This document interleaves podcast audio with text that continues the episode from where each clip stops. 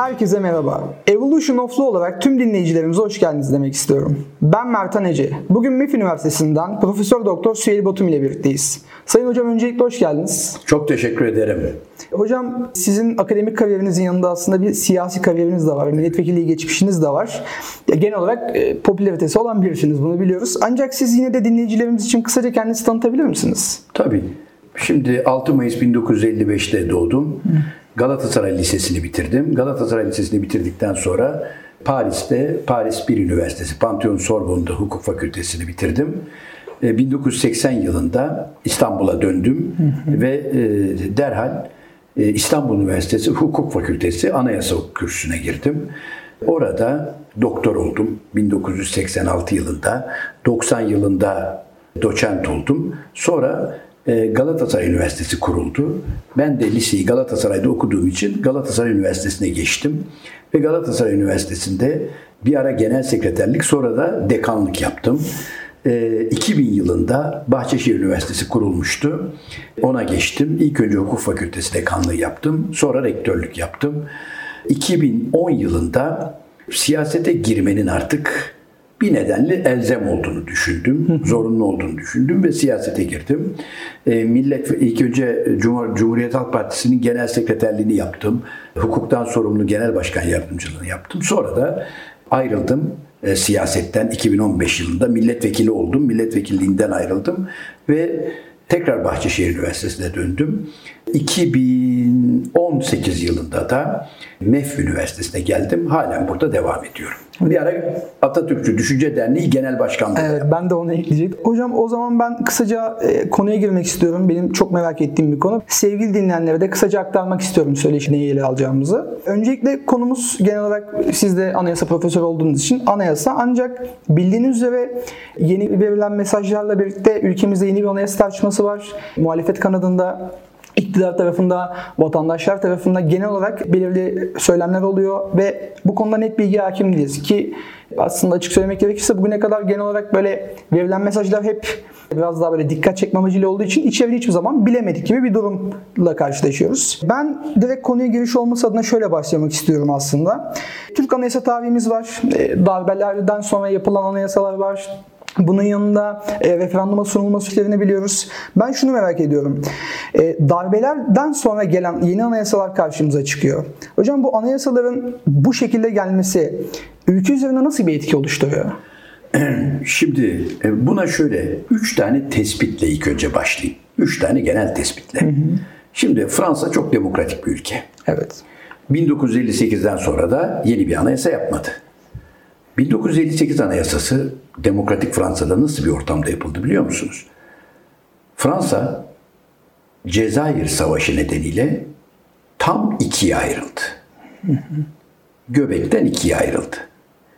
Cezayir'in mutlaka Fransız toprağı kalmasını savunanlar ve artık Cezayir bağımsız olmalı. Artık sömürgecilik bitti diyenler arasında.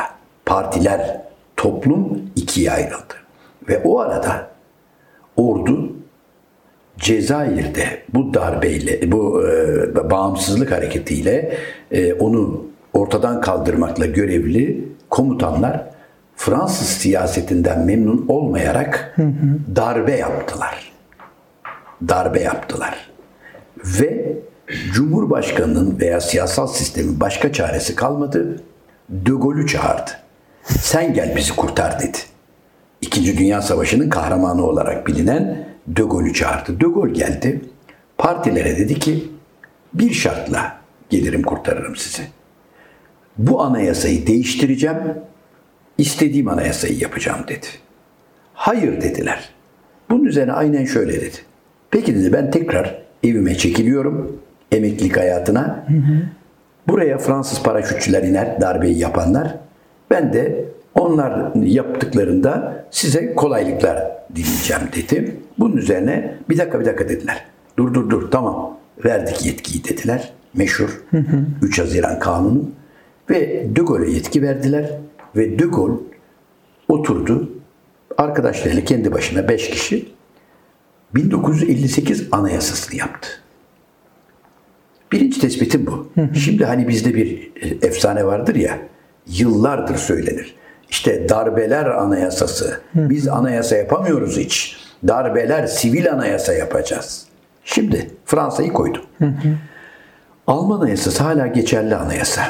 Nasıl yapıldı biliyor musun? Almanlar savaşı kaybetti. Hitler kaybetti. Amerikalılar geldi. işgal ettiler. Hatta Ruslar da yarısını işgal etti. Berlin ikiye ayrıldı evet. Almanya. Ve Amerikan generalleri yukarıda oturdu. Alman parlamentosu onların hazırladığı anayasayı kabul etti. Şimdi şunun için söylüyorum bunu. Yani Türkiye'de siyasal partiler, siyasal iktidarlar bir kendi amaçlarına uygun olarak bir efsane yayıyorlar. Anayasa özünde zaten ne zaman yapılır? Şöyle yapılır. Toplumdaki siyasal yapı, kültürel yapı, ekonomik yapı köklü bir şekilde değiştiğinde insanların düşüncesi artık biz bunu istemiyoruz dediğinde örneğin Sovyetler Birliği bir anda ekonomik sistem yıkıldı. Doğru mu? e, toplumsal yapı değişti ve Sovyetler Birliği'ni oluşturan ülkelerin halkları dediler ki ya biz artık demokratik, liberal esaslara göre bir şey yapmak istiyoruz, yaşamak istiyoruz dediler. Olabilir. Ve oturdular anayasa yaptılar. Zaten durup dururken anayasa yapılmaz. Yani oturalım ne yapalım? Hadi bir şey yapmayalım anayasa yapalım. Böyle bir de yoktur. Ama Türkiye'de de böyle olmuştur. Türkiye'de ha bu şu demek değil. Darbeler anayasasını meşrulaştırmak için değil. Ama Türkiye'de bazı partilerin her zaman veya iktidarların her zaman yaptığı gibi belli amaca yönelik bir değişiklik yapacağı zaman o amacı ne olduğunu söyleyemediği için her zaman şöyle söyler. Darbe anayasası mı kalsın? Şimdi bu bir artık e, light motiv haline gelmiştir. Hep ileri sürülür. Oysa size söylüyorum. Bir ülkeyi yönetmek istersen 1958 anayasasıyla da yönetiyorlar. Ha değişiklik yapmıyorlar mı? Yapıyorlar. Amerikalılar 1787 anayasasıyla gidiyor. Evet. Değişiklik yapmıyor mu? Yapıyor. Almanlar 48 anayasasıyla gidiyor. İtalyanlar 47 anayasasıyla veya 48'de 48 anayasa yürürlüğe girdiği için gidiyorlar. Ha değiştirmiyorlar mı? Tabii değiştiriyorlar. Ama dediğim gibi bu Türkiye'de maalesef bir anayasa yapılacağı zaman tabirimi mazur görün. E, bulanık suda balık avlamak daha kolaydır diye darbe anayasalarını değiştirelim. Böylece getirilen kurumlara da senin müdahale etme ya da itiraz etme hakkını da ortadan kaldıracak şekilde ne yani? Darbe anayasası mı kalsın? Şimdi Fransa'ya git, Amerika'ya git, işte ne bileyim Almanya'ya git, İtalya'ya git, Belçika'ya git. Böyle bir tartışma görmez. Yani ne var yani? E, Amerikan askerlerinin de yaptığı anayasa mı kalsın? Çünkü toplumsal ihtiyaç, toplumsal yapı, toplumsal değiştiğinde tabii ki toplum daha demokratikleştiğinde hı hı. o zaman ekonomik sistem değiştiğinde ona göre anayasa da değişir. Ama anayasalar genelde bu yapı değiştiğinde bir savaş sonrası ülke işgal gördü kurtuldu. İşte 21 anayasası gibi. Ülke işgal gördü veya 24 anayasası gibi. İşte dediğim gibi bir darbe sonrasında tekrar demokratik düzene geçtiğinde büyük bir ekonomik değişiklik sonucunda Sovyetler Birliği'nde olduğu gibi sistem değişikliği sonucunda yapılır zaten. Yani aslında baktığımızda o zaman bu arada koyduğunuz o yorumlardan şunu anlayabiliyorum. E zaten öyle gelmesi lazım. Yani illa darbe yolundan bahsetmiyoruz zorunlu bir durumdan yani. sonra gelmek zorunda. Sonuçta kurucu bir sistemden böyle. bahsediyoruz. Hiç evet. kimse durup dururken evet. hadi bir anayasa değiştirelim. Bugün ne yapalım? Hadi anayasayı biraz değiştirelim demez yani. O toplumsal üstüne dayandığı değerler, e, ölçüler hepsi değişecek. Toplumda da bu yönde bir ihtiyaç çıkacak artık. Daha demokratik istiyoruz kardeşim olmaz mı? Biz katılalım istiyoruz artık yeter. 5 yılda bir bir yere gidip oy kullanmakla yetinmeyelim. Veya bu ekonomik sistem değil farklı bir ekonomik sistem getirelim. Ya düşüncesiyle. Veya yeter artık. Üniter yapmayalım federal yapalım. Veya federal olmasın artık üniter olsun gibi toplumsal bir değişik ve dönüşüm sonucunda olur anayasalar. O yüzden bizde kötüye kullanılmaktadır bu maalesef.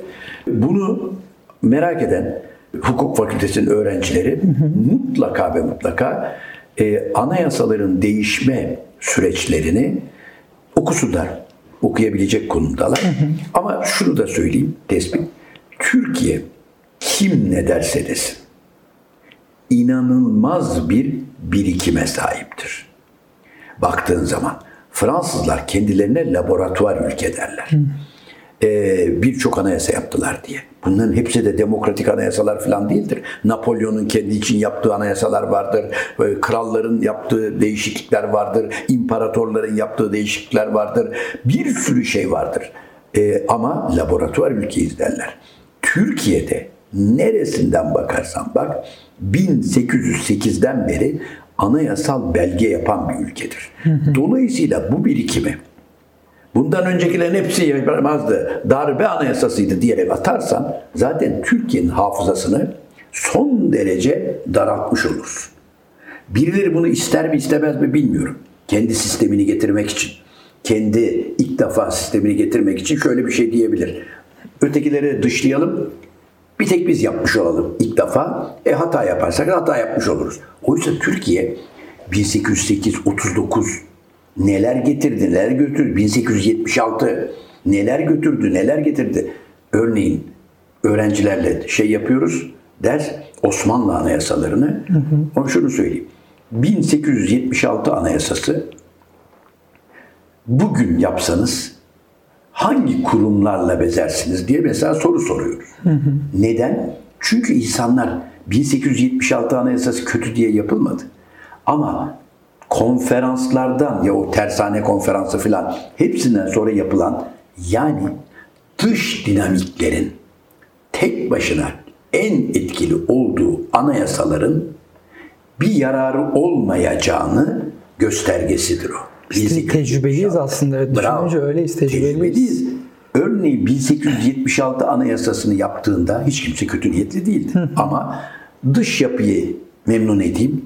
o zaman düeli muazzama deniliyor. Zorunlu. İçeride de padişahtan ya e, sen kusura bakma işte biraz değişiklik yapayım dediğin 1876'yı çıkardı. Biz bunu yaşamış bir toplumuz. Şimdi biri bize gelip faraza Avrupa Birliği sizden bir anayasa istiyor dediğinde sadece onu memnun etmek için bir anayasa yaparsa çukura bir kere düşene yazık derler, ikinci defa düşene aptal derler. Evet. Dolayısıyla hukuk fakültesi öğrencilerinin bunu anlayacağını, her böyle Avrupa Birliği çok iyi bir anayasa vaat etti, yazın bunu yapın veyahut da darbe anayasalarının hepsini atacağız, bir tek gerçek anayasa yapacağız dendiğinde de bunun da yanlış olduğunu düşünsünler, değerlendirsinler diye söylüyorum.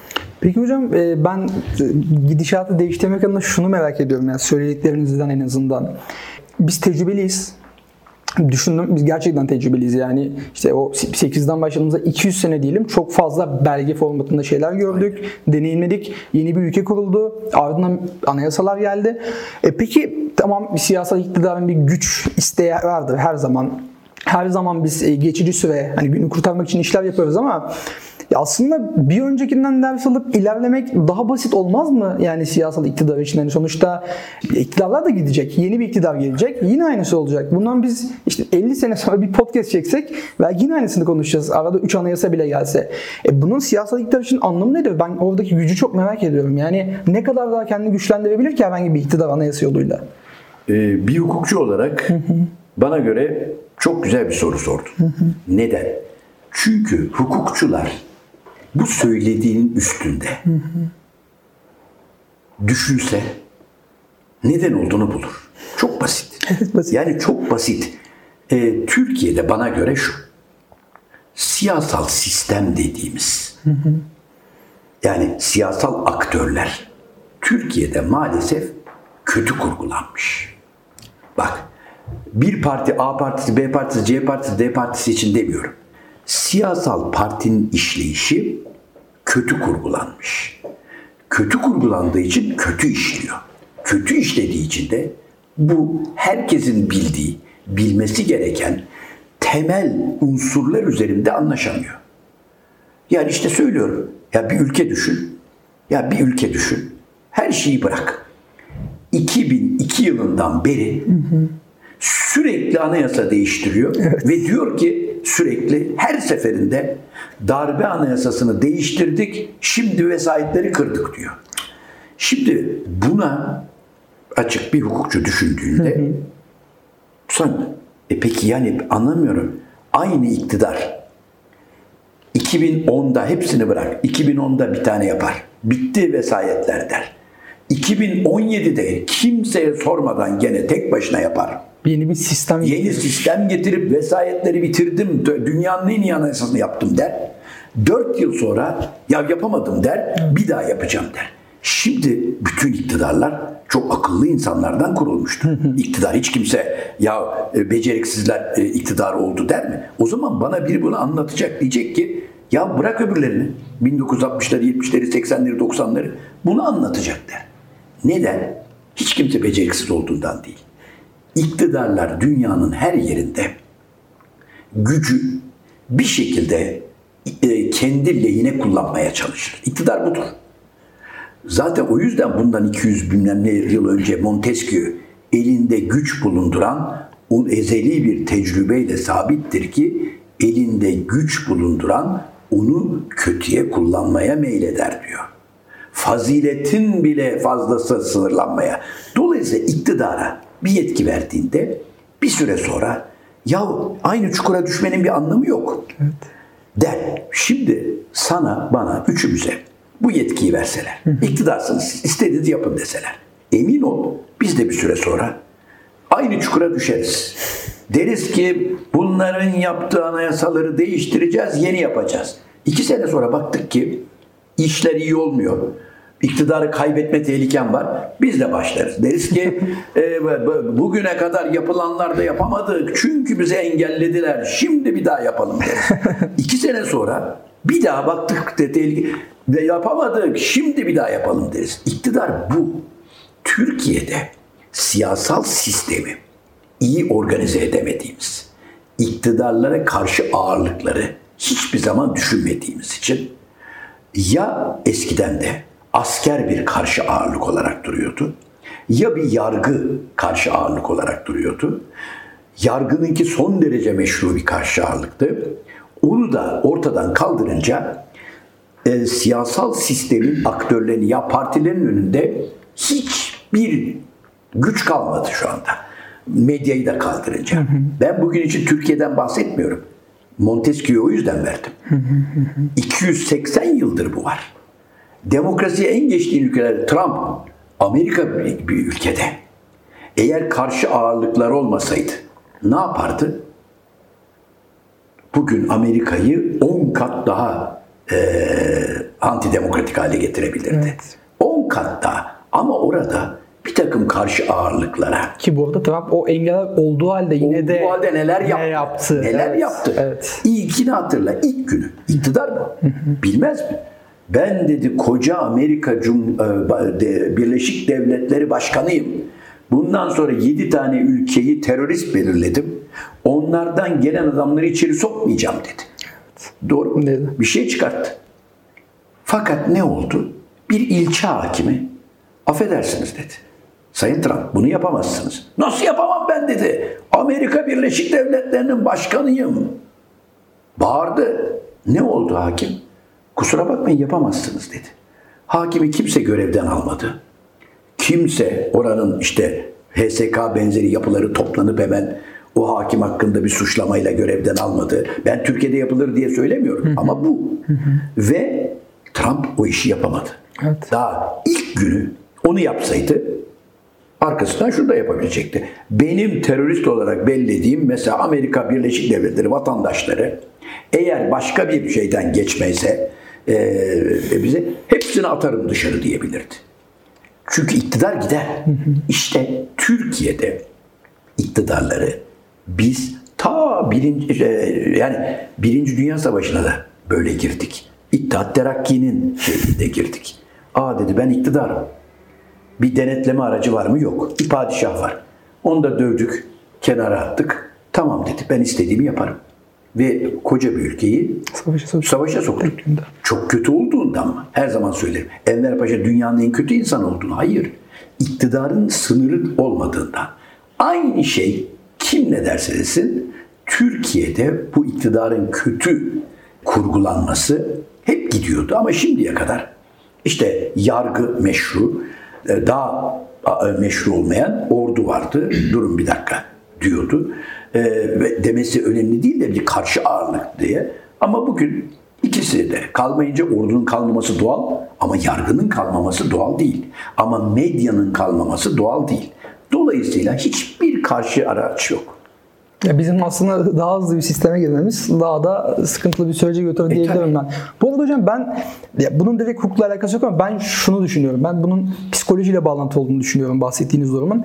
Hocam güç zehirlenmesi diye bir olay var. Tabii. Kim olursa olsun, kim gelirse gelsin.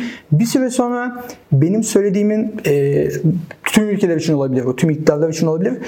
Ne oldu, ne kadar mantıklı olduğu önemli değil. Eğer artık ben oradaysam, artık o güce sahipsem ve söz bir kere ağzından çıktıysa sonradan geri dönebilme ihtimalim olsa bile dönmüyorum. Tabii, tabii. Olay buna dönmüş durumda. Sanki inatlaşma gibi bu e, beni üzüyor. Beni üzdüğü noktada diğer soruda geleceğim. Ama bir dakika şunu söyleyeyim. Tabii. Demin söylediğim o yüzdendi zaten. Ya üçümüze verseler iktidarı dedim. Aynı şey. İki sene sonra biz baktık tam istediğimiz gibi gitmiyor.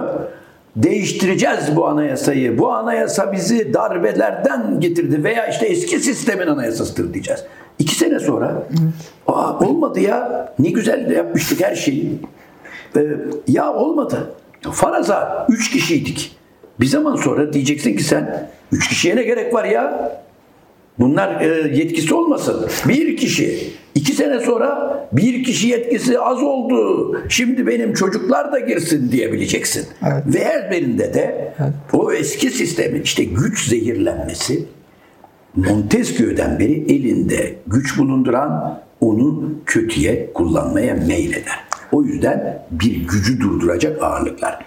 Türkiye'de anayasalar bunu partiler nedeniyle yapamamıştır. En büyük sorun bu. Peki hocam şuna gelmek istiyorum. Türkiye Cumhuriyeti neredeyse 100 yıllık bir ülke. E, 200 senelik bir belgesel yani anayasa e, sisteminden bahsediyoruz, tecrübeden bahsediyoruz. E, çok uzun zaman yani az bir zamandan bahsetmiyoruz. E, değişiklikler oldu ülkemizde yakın zamanda darbelerin ardından 60-80'i geçiyorum. O, 2010'da oldu 17'de sistem değişti. Şimdi yeniden böyle bir olay var. Biz tekrardan başa dönüyor gibi oluyoruz. Anayasadan bahsediyoruz hocam. Yani şu an bahsettiğimiz konu çok ciddi bir konu. Yani şu an işte benim bir e, ticari işte bir mesleğim var. Onunla ilgili konuşmuyoruz. Yani ülkenin aslında temeli bahsettiğiniz husus. Hocam bu kadar kolay olması e, ya şu anki iktidar 20 senedir dursun. Olay onunla alakalı değil. Gittiğinde yeni bir iktidar gelip o da 30 sene kalabilir günün birinde. Ama bu kadar kolay olmaması lazım. Yani Evet. referandum diyoruz örneğin. Ben e, bunu hep düşünmüşümdür. Normal şartlarda 50 artı 1 geçelim referandumda. Evet ne demek? Çoğunluk kazandı demek. Ama sanki bizde o çoğunluk için e, yani o 50 artı 1'in bilinci yok sanki. Biz o istediğimizi yapamıyoruz. Sanki hani 50 artı 1 şey gibi %20 almak gibi bir şey dönüşüyor. Bu kadar kolay sistemin değişmesi. Ben bundan 20 sene sonra geleyim iktidar olarak bir partim bir partinin içinde olayım. E, ben de değiştirebilirim. Benim ardından gelenler değiştirebilir ve sonunda ben de gideceğim. Olan yine ülke olacak. Yani kişiler geçici. Yani her zaman işte o makamlar kalıcıdır. Türkiye Cumhuriyeti kalıcıdır diyelim ama e, bu kadar kolay olması, diğer devletlerde bu kadar az değişikliğin olması bize göre veya bu kadar köklü değişikliklerin olmamasının sebebi nedir hocam? Yani bizim bilincimiz neden bu konuda gelişmiyor? Çok e, çok haklısın. Şimdi şunu söyleyeyim bir kere. Bak. e, ilk önce bir anayasa sen de söyledin nasıl yapılabilir? İlk önce ona geçelim. Oradan sonra neden bunu bozuyoruz, kolay mı değil mi diye. Şimdi esasında anayasa hukuku insanlara zor gibi gelir. Siz hukuk fakültesinin öğrencilerisiniz. Zor gibi gelir. Ama esasında zor değildir. Mantık işidir. Hukuk bir mantıktır. Evet. O yüzden çok basit üç tane soru. Sen de anayasa değiştirmek istesen, sen de, ben de, partiler de, A partisi de, B partisi de, e, anayasa değiştirmek istese, sen hukukçu olarak üç tane soru kendine soracaksın. Üç. İktidar da soracak. Bir, neden, ne yapmak istiyorum anayasayı değiştirirken? Bir değiştirelim, e, kervan yolda düzülür demez kimse. Niye, ne yapacağım ben? Ne yapacağım? Birinci soru bu. Ya söyleyeceksin. Ben daha katılımcı, halkın katıldığı, daha demokratik, hukukun üstünlüğünün daha iyi sağlandığı bir anayasa istiyorum. Ya da diyeceksin ki ben tüm sözüm bende oldu. Başka hiç kimsenin karışmadı. Tüm yetkinin bende olduğu bir diktatörlük istiyorum. Ne istersen ben bir federal yapı istiyorum. Her devletin, e, küçük küçük devletlerin kendi bütün hak ve yetkileri olsun, görevleri olsun, kendi alanları olsun, kendi yasalarını yapsınlar. Ne istediğini koyacaksın. Birinci bu. İkinci soru şu. Şimdi söyleyeceğim. Nasıl yapacaksın bunu? Nasıl? Şimdi anayasa yapıyorsun. Yani şöyle derse eğer ya ben oturacağım. Çok iyi biliyorum. Ben her şeyi bilirim. Arkadaşlar da var bizim üç kişi. Onları da alacağız. Harika bir anayasa yapacağız. Veya tek parti yapacağız biz oturup. Veya halka gerçekten bir kurucu meclis oluşturacağım. Hı hı. Değdi değmedi demeyeceğim. Yani sen gel sen gelme yüzde on almışsın sen yüzde dokuz almışsın gelme sen yüzde on beş almışsın gel sen yüzde altı almışsın gelme veya sen hiç gelme demeyeceğim. Halkı bir kurucu meclis yapacağım. Bu kurucu mecliste veya yapmayacağım dediğim gibi ben oturacağım. Hı hı. İkinci soru bu. Nasıl yapacağım? Üçüncüsü de peki amacın belli. Nasıl yaptığım belli. Neler getireceğim? Bu amaçlara, birinci sorudaki amaçlara varmak için hangi kurumları getireceğim? Şimdi bu üç soru birbirini tamamlıyorsa hiç korkma. Harika bir anayasa yaparsın. Hı hı. Üç soru birbirini tamamlıyorsa. Yani ben demokratik bir anayasa yapmak istiyorum. O yüzden bir kurucu meclis oluşturdum. Yüzde on falan demeden bütün katmanları, e, görüşleri e, topladım. Ve e, üçüncü de bak onun için demokratik anayasa için şunu getiriyorum, şunu getiriyorum, şunu getiriyorum, şunu getiriyorum, şunu getiriyorum diyeceksin. O getireceklerini sonra konuşuruz. Bu üç soru birbirine örtüşmüyorsa anla ki palavradır. İş bak. Şimdi çok kolay diyorsun doğru. Hı hı. Esasında nasıl yapacaksın dedim. Şimdi Türkiye'de o kadar kötü bir yol seçildi ki, o kadar kötü bir yol seçildi ki, referandum yapıyoruz. Özellikle 2010'dan sonra, çok net söyleyeceğim, aa önce de değildi. 1961 Anayasası yapılırken Adalet Partisi kurulan yani Demokrat Parti'yi temsil ettiğini ileri süren iki parti seçimlere katılamamıştı. Şeylere, kurucu meclise katılamamıştı. Çok önemli bir kurucu meclis bugünlere oranla inanılmaz temsili niteliği olan bir kurucu meclis oluşturmalarına rağmen Demokrat Parti'nin devamı niteliğinde olan, sonra da iktidarı alan Adalet Partisi'ni sokmamaları 61 Anayasası'nın zedelenmesine neden oldu. 82 Anayasası'nı yaparken partilerden hiçbirini sokmamaları partili olarak anayasanın zedelenmesine sebebiyet verdi. 2010'da referandumun kötü yapılması, işte o meşhur yetmez ama evetçilerin her gün televizyonlarda çıkıp şunu söylemiştim. 2010 referandumu ile birlikte bu sefer referandumlar gerçek anlamda referandum olmaktan çıktı. Dolayısıyla iş o kadar kolaya bindi ki dediğin gibi iktidarlar için yüzde yirmi almakmış gibi. Oysa yüzde elli artı biri almak zor bir şeydir anayasada. Çok zor bir şey. Ama bugün günümüzde bir zamanlar anayasaların demokratik olması için bu belki 50'li yıllara kadar, 40'lı yıllara kadar referanduma sunulması en önemli ölçüttü. Günümüzde o değil artık. Günümüzde en önemli ölçüt diğer iki soruya nasıl cevap verdiği. Yani bunu ne istiyorsun? şeyi olarak çok demokratik bir anayasa istiyorum. O zaman bunu demokratik bir yöntemle yap. Referandumunda demokratik olsun, kurucu meclisinde demokratik olsun, tek partinin ağırlığı olmasın. Şimdi bugün herkes söyler. Aa, ama demokratik değil mi yani? İnsanlar oy kullandı. Şimdi onu ben hukuk fakültesi öğrencilerine bırakıyorum. Tekrar söylediğim gibi. Hukuk fakültesi öğrencileri mutlaka ve mutlaka kuralların altındaki yatan o toplumsal yapıyı da sonunda yukarıda da etiği de mutlaka değerlendirmek zorunda. Dolayısıyla sosyal yapıyı. Demin sen bir soru sormuştun dedim hukukçu için çok önemli bu. İşte bunları değerlendirsin. O yüzden hukukçular gelsin. Hukuk fakültesi öğrencileri. Bir referandum nasıl yapılır baksın. Referandumun ölçütleri nedir?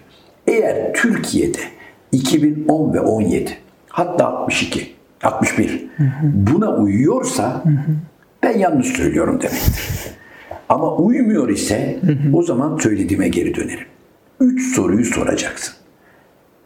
O yüzden onlara uyduğun takdirde bu anayasalar merak etme. Öyle üç senede bir. Hadi bir daha şimdi sivil anayasa yapıyoruz. Yapamadık boş ver iki sene sonra bir daha. Çünkü bunun bir cezası falan yok. Ya kimse şöyle sormuyor Türkiye'de. Çünkü karşı güç yok. Hani medya bilmem yok. Şöyle demiyor. Ya arkadaşlar hangi iktidar olursa olsun. Siz dört sene önce bunu yaptık bitti artık dediniz. Ve ben de karışmadım ona. Siz kendiniz yaptınız. Dokuz günde yaptınız. Evet. Yapmayın. Yani yapamadınız mı? Demiyor. Hiç demiyor. Yine geçmişe sıçratılıyor. Ama Aynen. Çok, çok geçmiş. Aynen. Ya hiç. O yüzden bir anayasa yapmak Türkiye birikimli bir ülkedir. Ama şunu yapacak. Artık net. Medyada buna dikkat edecek. Akademisyenler de edecek. O yüzden akademisyenlere örnek verdim. Örneğin bunda şey yok. Birkaç tane akademisyen, 3-5 tane akademisyen yetmez ama evetçi 2010'un tarihin yazdığı en önemli değişiklik olduğunu söylediler. Aynı akademisyenler 2017'de çok fazla ağızlarını açmadılar. Peki yani şimdi onların söylemesi lazım. Evet. Zaman Ya 2010'da biz mi beceriksizdik? Yoksa ha onların beceriksiz olması önemli değil. Ama Türkiye ciddi bir ülke. Hukukçular, bütün genç hukukçular şu söylediklerime dikkat ederse Türkiye en iyi anayasayı yapabilir. Bir, ne istiyorsun kardeşim? Ne istiyorsun? Bana bunu anlat. Ne istiyorsun partiler? Ne istiyorsun?